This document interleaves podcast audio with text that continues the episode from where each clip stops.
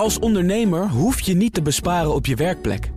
Want IKEA voor Business Netwerk biedt korting op verschillende IKEA-producten. Word gratis lid en laat je werkplek voor je werken. IKEA, een wereld aan ideeën.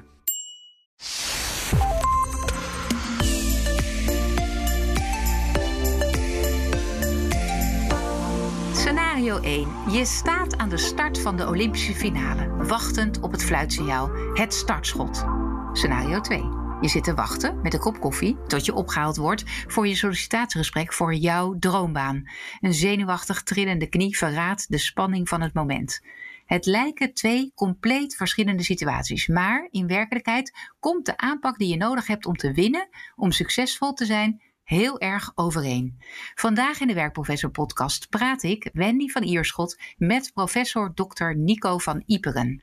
Nico werd in 2017 hoogleraar sportpsychologie nadat hij jarenlang hoogleraar organisatiepsychologie was aan de Rijksuniversiteit Groningen. Hij schreef het boek Focus, Vertrouwen, Veerkracht en andere mentale aspecten van sport en presteren. Op zijn sportscience.blog kun je daarover heel vrij toegankelijk artikelen vinden. Niemand geschikter dus om het met ons te hebben over de kansen die er liggen in de aanpak van een topsporter voor het bedrijfsleven. Nico, van harte welkom. Leuk dat je er bent. Dankjewel. Um, dat we iets kunnen leren van topsporters, dat weten we eigenlijk wel. Hè? Ze staan heel vaak voor groepen, we zien het voorbij komen. Maar is er echt een gouden formule, een belangrijk kernpunt wat topsporters doen en wij op de werkvloer nog eigenlijk helemaal niet doen of niet mee bezig zijn? Nou, eh, zeker. Eh, topsporters doen heel veel. Ze zijn natuurlijk heel erg gericht op eh, mentaal optimaal functioneren ook. En daar valt heel veel over te zeggen, waar we het vandaag ook over gaan hebben. Maar ik denk dat er één basisprincipe is wat, waar heel veel op terug te voeren is. En dat is control the controllables in goed uh, Nederlands. Dus dat je je richt op factoren waar je invloed op uit kunt oefenen. En dingen waar je geen invloed op hebt, dat je dat laat gaan. Dat je dat accepteert. Het is zoals het is. Daar kan ik niks aan doen. Kost alleen maar energie. Laat het gaan en richt je op dingen waar je wel wat aan kunt doen. En dat is een heel belangrijk basisprincipe. Dat kan, komt op verschillende manieren komt dat tot uh, uiting. Laten we daar wat dieper op ingaan, want het lijkt een beetje een no-brainer. Hè? Van ja, je moet kijken waar je invloed op hebt en niet je mee bezighouden waar je geen invloed op hebt. Uh, maar het doet mij meteen herinneren ook aan mijn zoon die een uh, marathon heeft gelopen en die van zijn trainer te horen kreeg dat je echt de avond ervoor alles moet klaarleggen, zodat je ochtends nergens meer aan hoeft te denken. Dat alles wat je mee wilt nemen gewoon uh, op een rijtje klaar ligt, dat je zelfs niet meer hoeft na te denken over de volgorde. Bedoel je dat soort dingen er ook mee? Jazeker, dat is, uh, daar heb je inderdaad uh, invloed op. Maar het, het klinkt inderdaad als ja, simpel en feitelijk is dat ook zo. Uh, maar toch is dat complexer dan je denkt. Alleen door het feit van, ja, waar heb je controle over om dat te bepalen, zeg maar. En het klaarleggen van je kleding, wat je nu noemt, ja, dat is eenduidig, heb je daar controle over. Dat kun je gewoon, ja. dat leg je gewoon klaar. Maar heel veel dingen dat is niet zo duidelijk. Uh, bijvoorbeeld kun je een scheidsrechter beïnvloeden. Een voetballer, de ene voetballer eh, die, die, uh, die is heel fel op een scheidsrechter. Die, die stormt erop af als hij een beslissing neemt die hem niet aanstaat. Uh, probeert de scheidsrechter te beïnvloeden of zelfs dat hij de beslissing terugdraait. Of in zijn hoofd van nou, nu lukt het misschien niet, maar als ik gewoon agressief reageer, en dan, dan neemt hij misschien hierna een beslissing in ons voordeel. Een ander die zegt van nou, dat heeft helemaal geen zin, want uh, ja, het is net zo'n beslissing, dus ik, uh, ik keer me daar vanaf. Nou, de een denkt van wel en de ander uh, denkt dat dat niet te beïnvloeden is. Dus zo zijn er vele voorbeelden. En het, het, het idee. En wat doe je daar? Want je zegt, hè, die, dat is dus complex. Van hoe weet je wat eigenlijk de, de variabelen zijn die je kunt controleren. Ja. Doe je daar dan specifiek onderzoek naar? Nou, dat is, uh, het is ook heel erg individueel afhankelijk natuurlijk. Want als jij een bepaalde expertise hebt, dan heb je meer invloed op datgene wat er gaat gebeuren op dat specifieke gebied.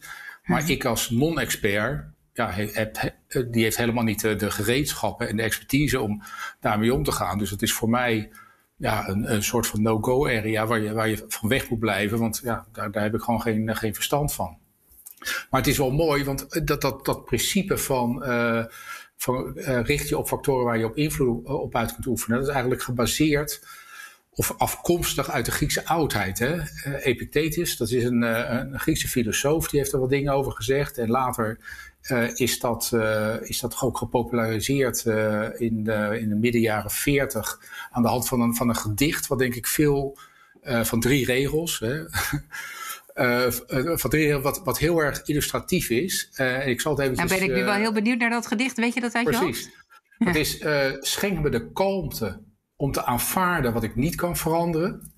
Dus kalmte heb je nodig. Ja. Moed om te veranderen wat ik wel kan veranderen. En de laatste, daar gaat het om. En de wijsheid om het verschil hiertussen te zien.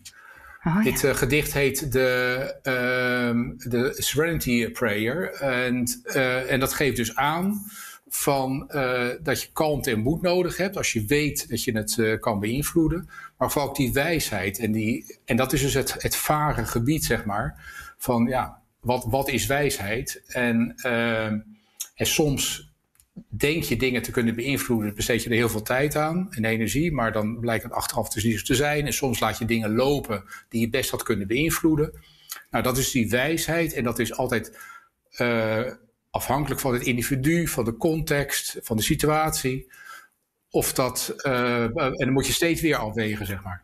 Ja, en als je ons dan een concrete tip zou moeten geven van hoe kunnen we daar een stap in zetten, wat, wat zou dan jouw suggestie zijn? Nou, kijk, wat veel stress oplevert, is natuurlijk een prestatie moeten leveren in een onzekere uh, toekomst. En een wedstrijd aangaan in de sport is onzeker. Je weet niet wat er gaat gebeuren. Ja. Uh, of er kan van alles gebeuren. Dat geldt ook voor een sollicitatiegesprek, zoals je uh, begon, of, of andere ja, prestaties die van je gevraagd worden in het onderwijs, in het werk, in de cultuur, in de wetenschap. Dus dan weet je niet precies wat er gaat gebeuren. Dus en wat er gaat gebeuren, daar heb je maar deels controle over. Maar wat je wel, waar je wel controle over hebt, is allerlei scenario's bedenken wat er zou kunnen gebeuren. En als jij okay. nadenkt over, over allerlei situaties die zouden kunnen gebeuren, en vervolgens dat je bedenkt van hoe ga ik dan reageren, wat ga ik dan doen, nou dat, dat, daar heb je dus controle over. En dan, heb je, dan vul je als het ware een aantal laadjes in je, in je hoofd. Mm -hmm. Uh, van dat laadje kun je opentrekken op momenten dat de situatie daarom vraagt. Nou, in een sollicitatiegesprek, dat noem je aan het begin, dat is een goed voorbeeld. Van dat je, je hebt je natuurlijk je sterke en je zwakke punten. En dat je met name dan denkt van nou, ze moeten niet over die zwakke punten beginnen. Maar als ze erover beginnen, van wat ga ik dan zeggen? He, van ja. je hebt een, een, gaatje in je cv bijvoorbeeld van een jaar. Omdat je, nou, dus wat, wat ga ik daarover zeggen? Je had toen geen werk. Uh, nou, en daar kun je verschillende manieren uh, mee omgaan. Ja, je kunt zeggen, ja, ik had geen werk of ik had geen zin om te werken. Maar dat is niet goed, niet verstandig in, een sollicitatiegesprek. Maar je kunt wel zeggen van, ik heb die tijd genomen om me breder te oriënteren. Om eens uh, kennis te maken met andere culturen. Dat je, dat je op reis ging, dat je misschien bepaalde vaardigheden hebt, hebt versterkt. Door een cursus te volgen of andere dingen te doen. Waardoor je dat op een positieve manier invult. Nou, en, en, en dat, dat kun je voorbereiden. Daar heb je invloed op. Ja, en, en ja, je gebruikt ook het, uh, het woord voorbereiden. Wat is dan eigenlijk het verschil? Want wat jij nu benoemt, zou ik zeggen, dat is gewoon je goed voorbereiden. Dus ja. nadenken over wat zijn vragen die ze mij kunnen stellen en welk antwoord ga ik dan geven. Uh, wat volgens mij toch nog niet precies hetzelfde is als control the controllables. En je alleen bezighouden met de dingen waar je echt invloed op hebt. Of is voorbereiding hetzelfde? Ja, nou, het is niet hetzelfde. Het is, het is een component ervan. Dus een goede voorbereiding. Ja, je hebt controle over je voorbereiding.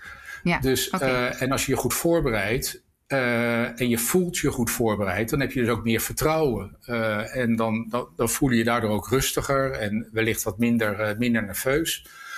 En dat heeft dus een spin-off op, op allerlei andere dingen, ook het gevoel van vertrouwen.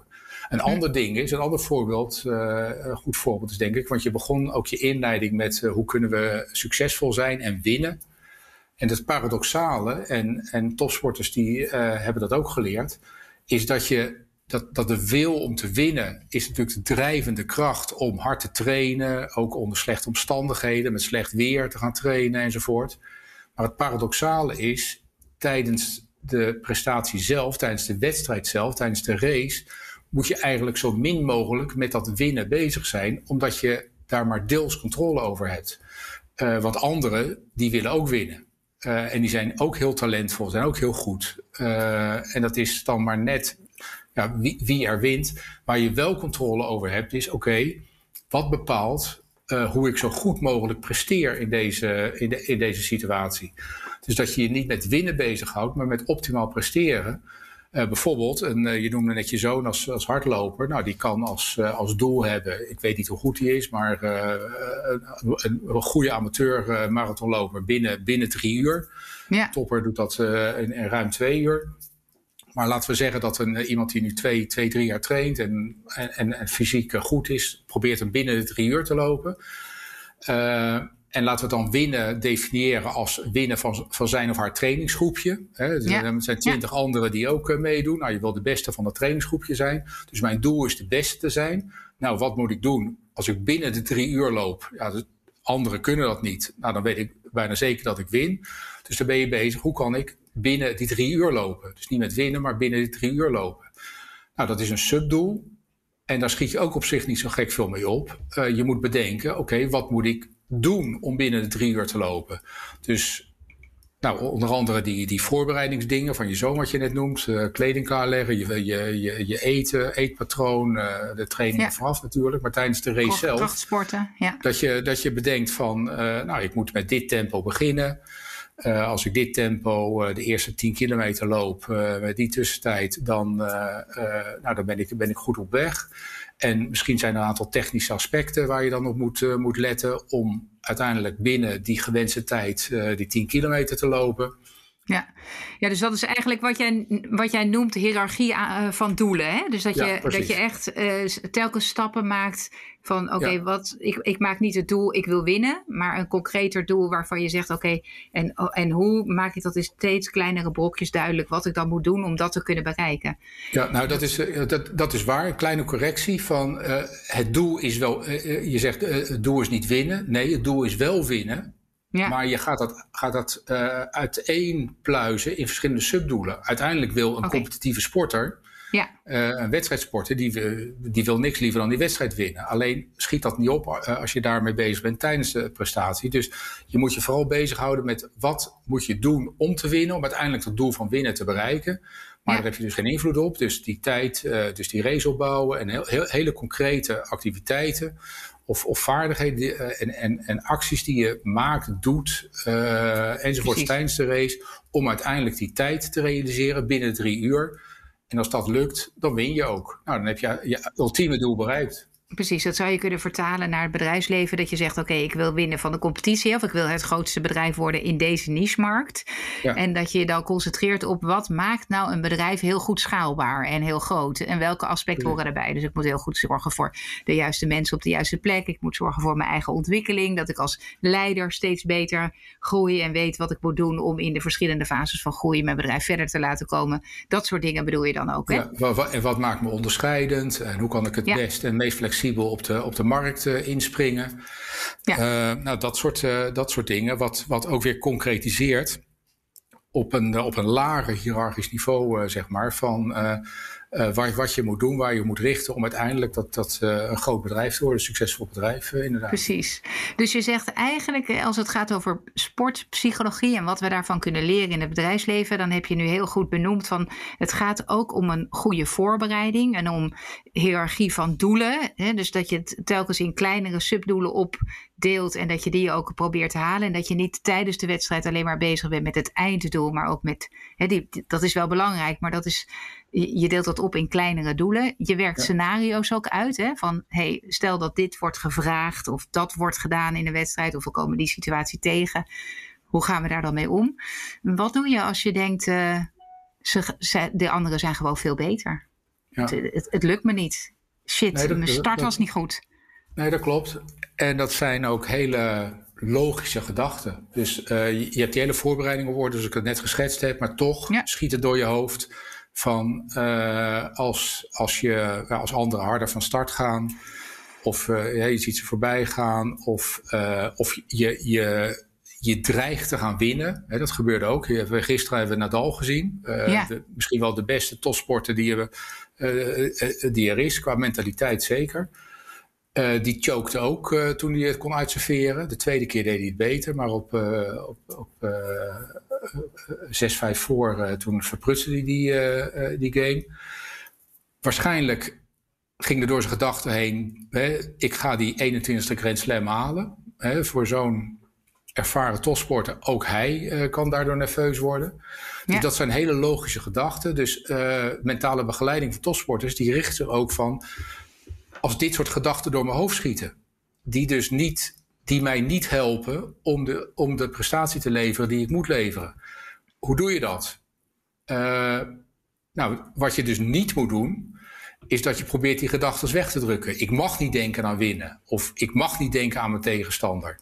Nee, daar denk je gewoon aan. Dat komt gewoon in je op. Of je nou wil of niet. Die gedachten heb je. Uh, accepteer die gedachten. Uh, en dat is ook een onderdeel van de voorbereiding. Uh, je kunt je voorbereiden, uh, ook in trainingen. Dat is niet eventjes een, een, een, dag van tevoren, maar dat is ook een proces vaak van jaren dat je daarmee bezig bent. Maar dat je gedachten hebt van dat je een wedstrijd moet uitserveren. Of dat, je, dat je die penalty moet nemen in de laatste minuut van een, van een finale. Ja. alle van die cruciale momenten in wedstrijden die in de sport heel normaal zijn. En waarbij door je hoofd kan schieten toch die ultieme uitkomst. Nou, de, idee, het, uh, het, het, idee is dat je, dat je dan scenario's voor jezelf uit, uh, uitdenkt. Van oké, als dat door mijn hoofd schiet, wat kan ik dan doen om zo snel mogelijk weer terug te keren naar wat ik, wat ik moet doen om uiteindelijk die uitkomst te bereiken? Dus als je een penalty moet nemen, uh, een, uh, een, penalty kun je tot het oneindige oefenen van hoe die bal inschiet. Dat je, als, uh, dat je weet dat je drie verschillende penalties oefent, linksboven, rechtsboven, linksonder of zo. en afhankelijk van hoe je je voelt en de keeper enzovoort in omstandigheden, kies je van tevoren van ik ga deze penalty nemen. En die heb je al tig keer geoefend. En die schiet je dan volgens je hele eigen protocol, schiet je die in. Nou, dat is het scenario wat je hebt ontwikkeld, het protocol wat je hebt ontwikkeld. En als dat door je hoofd schiet van, ja, deze moeten nu in, logische gedachten, maar dat je dan zo snel mogelijk weer terugkeert van, naar dat protocol voor jezelf, wat je voor jezelf ontwikkeld hebt, om die penalty op de manier in te schieten zoals je het al, al duizend één keer hebt, uh, hebt gedaan. gedaan. Is dat, ook een beetje het, ja, het klinkt ook een beetje alsof je het dan weer kleiner maakt of meer naar jezelf toe brengt. Of hè, dat, je, dat je eigenlijk het publiek, uh, de, de, de timing in de wedstrijd, bij spreken met die penalty, hè, dat, dat het de laatste minuut is, dat je dat allemaal ook weghaalt van jezelf. En gewoon het weer kleiner maakt naar, ik ga nu deze penalty inschieten. Als nou, ik, denk dat, ik denk dat dat een perfecte, een perfecte alternatieve formulering is, naar jezelf uh, terugbrengen. Dus waar je, wat jij bedoelt nu, is waar je controle over hebt. Dus niet wat het publiek denkt, wat het publiek hoopt, uh, wat je teamgenoten hopen. Uh, uh, allemaal negatieve consequenties of positieve consequenties van als die penalty erin gaat. Daar kun je allemaal aan denken. Aan, aan het geld, aan de bonus, aan de kampioenschap, aan de bekers. of als het negatief aan het afbranden in de pers. negatieve commentaren van alles en iedereen. Er zijn 101 gedachten waar je, waar je aan zou kunnen denken, die buiten jezelf liggen. Ja. En nogmaals, die kunnen, uh, die, die kunnen optreden, die treden ook vaak op. Maar bedenk dan, wat kan ik weer doen om terug te keren naar mezelf, hè, in jouw woorden, uh, naar waar je controle over hebt, wat je dus heel vaak ook hebt geoefend. En probeer dat optimaal uit te voeren. Dat wil dus niet zeggen, ook als dat lukt, dat dat dan 100% zeker lukt. Want er zijn altijd weer andere dingen die. Maar je vergroot daarmee de kans dat je datgene doet uh, wat je ook kunt. Die penalty gewoon uh, strak uh, in de linkerbovenhoek, linkerbovenhoek schieten. Ja, ja. Oké. Um, we zijn een beetje uh, komen zo in, het, in, het, in de la laatste kwart van de podcast. En uh, ik zit een beetje na te denken over wat je allemaal hebt gezegd. Hè? Van uh, oké, in die sport gaat het heel erg om dat je ook goed voorbereidt. Dat je je eigen koers vaart en dat je tijdens de wedstrijd gewoon de dingen doet waar je goed in bent. En je eigenlijk je eigen programma echt goed afdraait. Um, nou, hebben we het over gehad van als je dan uh, feedback krijgt tijdens de wedstrijd of tijdens het uh, moment waarmee je erbij bezig bent, dat gaat niet goed. Wat kun je dan doen om alsnog uh, beter doorgaan? Dat zit eigenlijk ook in die voorbereiding, hè, dat je dan dat scenario heel, al hebt doorgenomen en ook herkent bij jezelf. Oh, er gebeurt nu dit en daar had ik al een plan voor. Dus heel veel zit in die voorbereiding. Wat, wat zie jij nou als je kijkt naar het bedrijfsleven? Hè? Want je bent ook jarenlang uh, hoogleraar geweest voor het bedrijfsleven. Wat zie jij dan eigenlijk als grootste verschil? Wat je, wat je zag toen je organisatiepsychologie deed en nu doe je sportpsychologie. Als je, als je nu weer terug zou gaan eigenlijk naar organisatiepsychologie, wat zou je dan meenemen uit die sportwereld? Nou, er is veel overlap, maar er zijn natuurlijk ook veel verschillen. En ik denk het belangrijkste verschil met sport is, en, uh, en dat is in het voordeel van de organisaties en, en andere prestatiegebieden, om het zo maar te zeggen. Wat, in de, wat de sport zo bijzonder maakt en ook zo aansprekend, is dat een atleet, een sporter, die moet onder het oog, letterlijk onder het oog van het publiek, moet hij op één moment moet het gewoon goed gaan hè, hm. tijdens die wedstrijd. Ja. ja. Uh, wat de druk enorm verhoogt. Dat gebeurt dus ook wel in het bedrijfsleven zo af en toe. Uh, of, of, als student, hè, dat je een examen moet maken. Dan moet je ook nu. Maar goed, ook een examen kun je een keer verzakken. En dan kun je, heb je twee weken later een nieuwe kans. Een sollicitatiegesprek voor een hele belangrijke functie. Een functie van je leven, zeg maar. De baan van je leven. Nou, dat is een beetje vergelijkbaar. Dan moet je ook... maar, maar niet zozeer met al het publiek. Hè. Er staan geen camera's op. Uh, er zijn natuurlijk wel mensen aanwezig die jou moeten beoordelen, maar, maar het is niet uh, aan publiek. Dus dat is ook nog relatief relaxed, zeg maar, in vergelijking met een Champions League uh, finale. dus dat maakt het, dat, dat maakt het uniek, maar dat de, de sporten althans. Maar dat wil niet zeggen dat je, dat je, dat je in zo'n uh, snelkookpan, zeg maar, wat de sport is, uh, daar, daar worden al die stressfactoren als het ware uitvergroot. En daardoor zijn ze ook heel saillant en zichtbaar.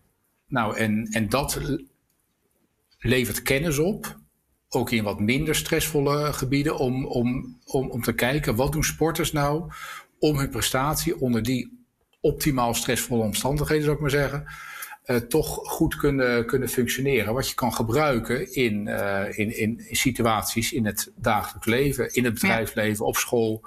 In het, uh, en dan in komt het het dus toch leven. weer neer op die voorbereiding eigenlijk, waar dan echt het verschil in zit. Dat je daar meer tijd misschien ook in moet besteden als je in het bedrijfsleven zit, waar het niet zozeer op aankomt wat je precies vandaag doet. Hè? Want je kan het ook morgen doen of ja. overmorgen. Ja. Maar je misschien, door, als je je beter zou voorbereiden, wel sneller zou gaan. Nou, precies, uh, zeker, zeker. Dus uh, de, de, wat wij nu doen, een podcast is daar een goed voorbeeld van. Uh, wij, wij, wij praten nu met elkaar en in, in een podcast, of als je een film maakt of een radioprogramma, als het niet live is, ja, dan foute formulering, foute vraag, ongelukkige formulering. Nou, kun je er gewoon uitsnijden. Ja, maar ja. Een, een, een, verdedigingsfout van een voetballer, ja, dat kan ik niet uit. nee, dat, dat levert gewoon het. Kunnen we niet even, de, dat is even klaar, terugdraaien? En, ja, iedereen, en iedereen heeft het gezien. Ja. En als ja. jij een uh, ongelukkige formulering uh, nu maakt, ja, dan, dan weet ik dat. Omdat ik ja. met jou in die podcast zit. Maar verder weet niemand dat.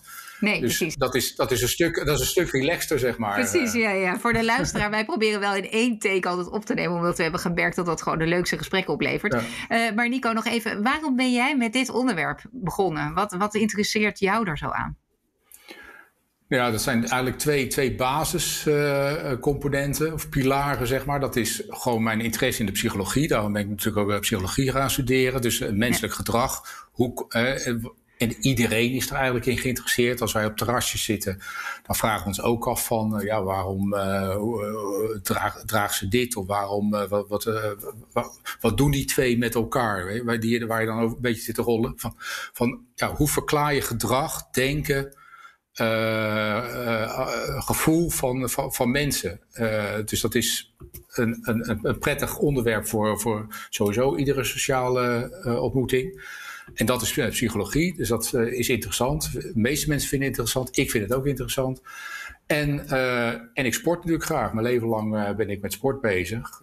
en hoe dat precies ontstaan, weet ik ook niet. Van, mijn ouders waren geen sporters en deden nauwelijks aan sport. Maar ja, op een manier ben ik daar wel in beland geraakt van jongs af aan al.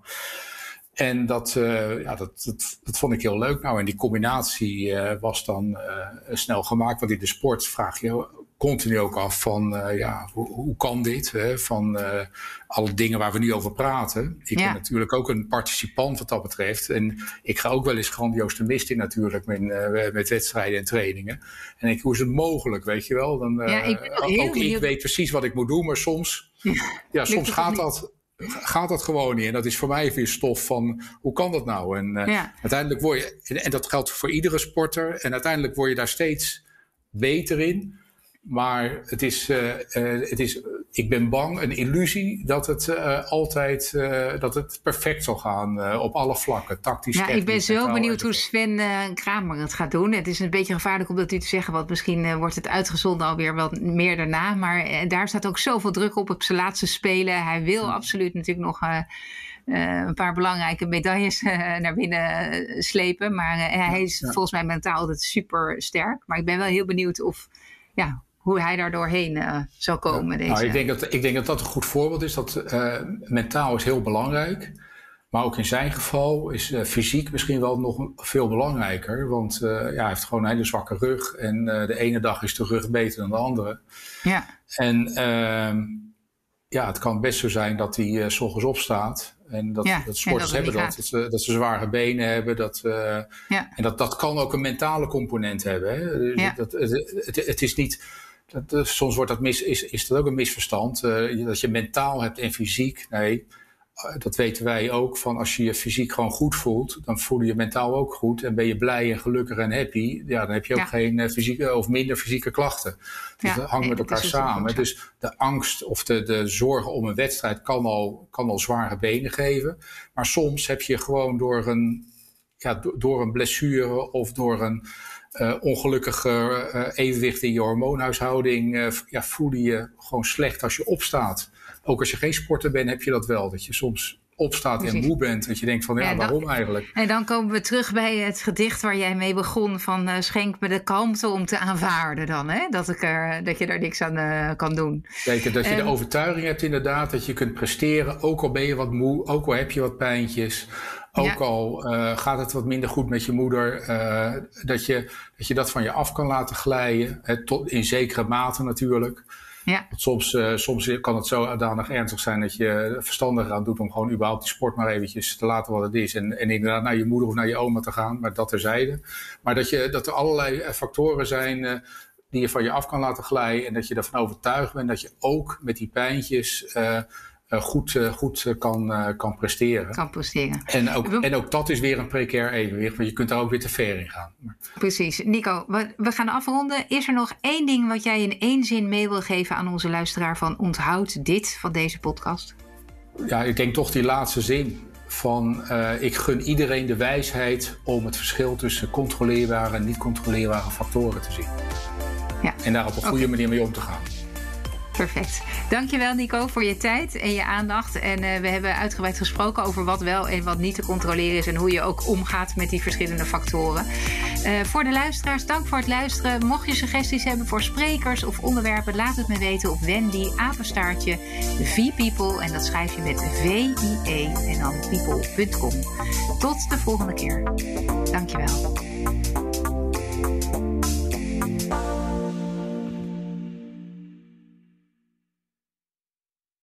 Het inrichten van je eigen zaak is best wel wat werk. Daarom biedt IKEA voor Business Netwerk 50% korting op interieuradvies. Word gratis lid en laat je werkplek voor je werken. IKEA, een wereld aan ideeën.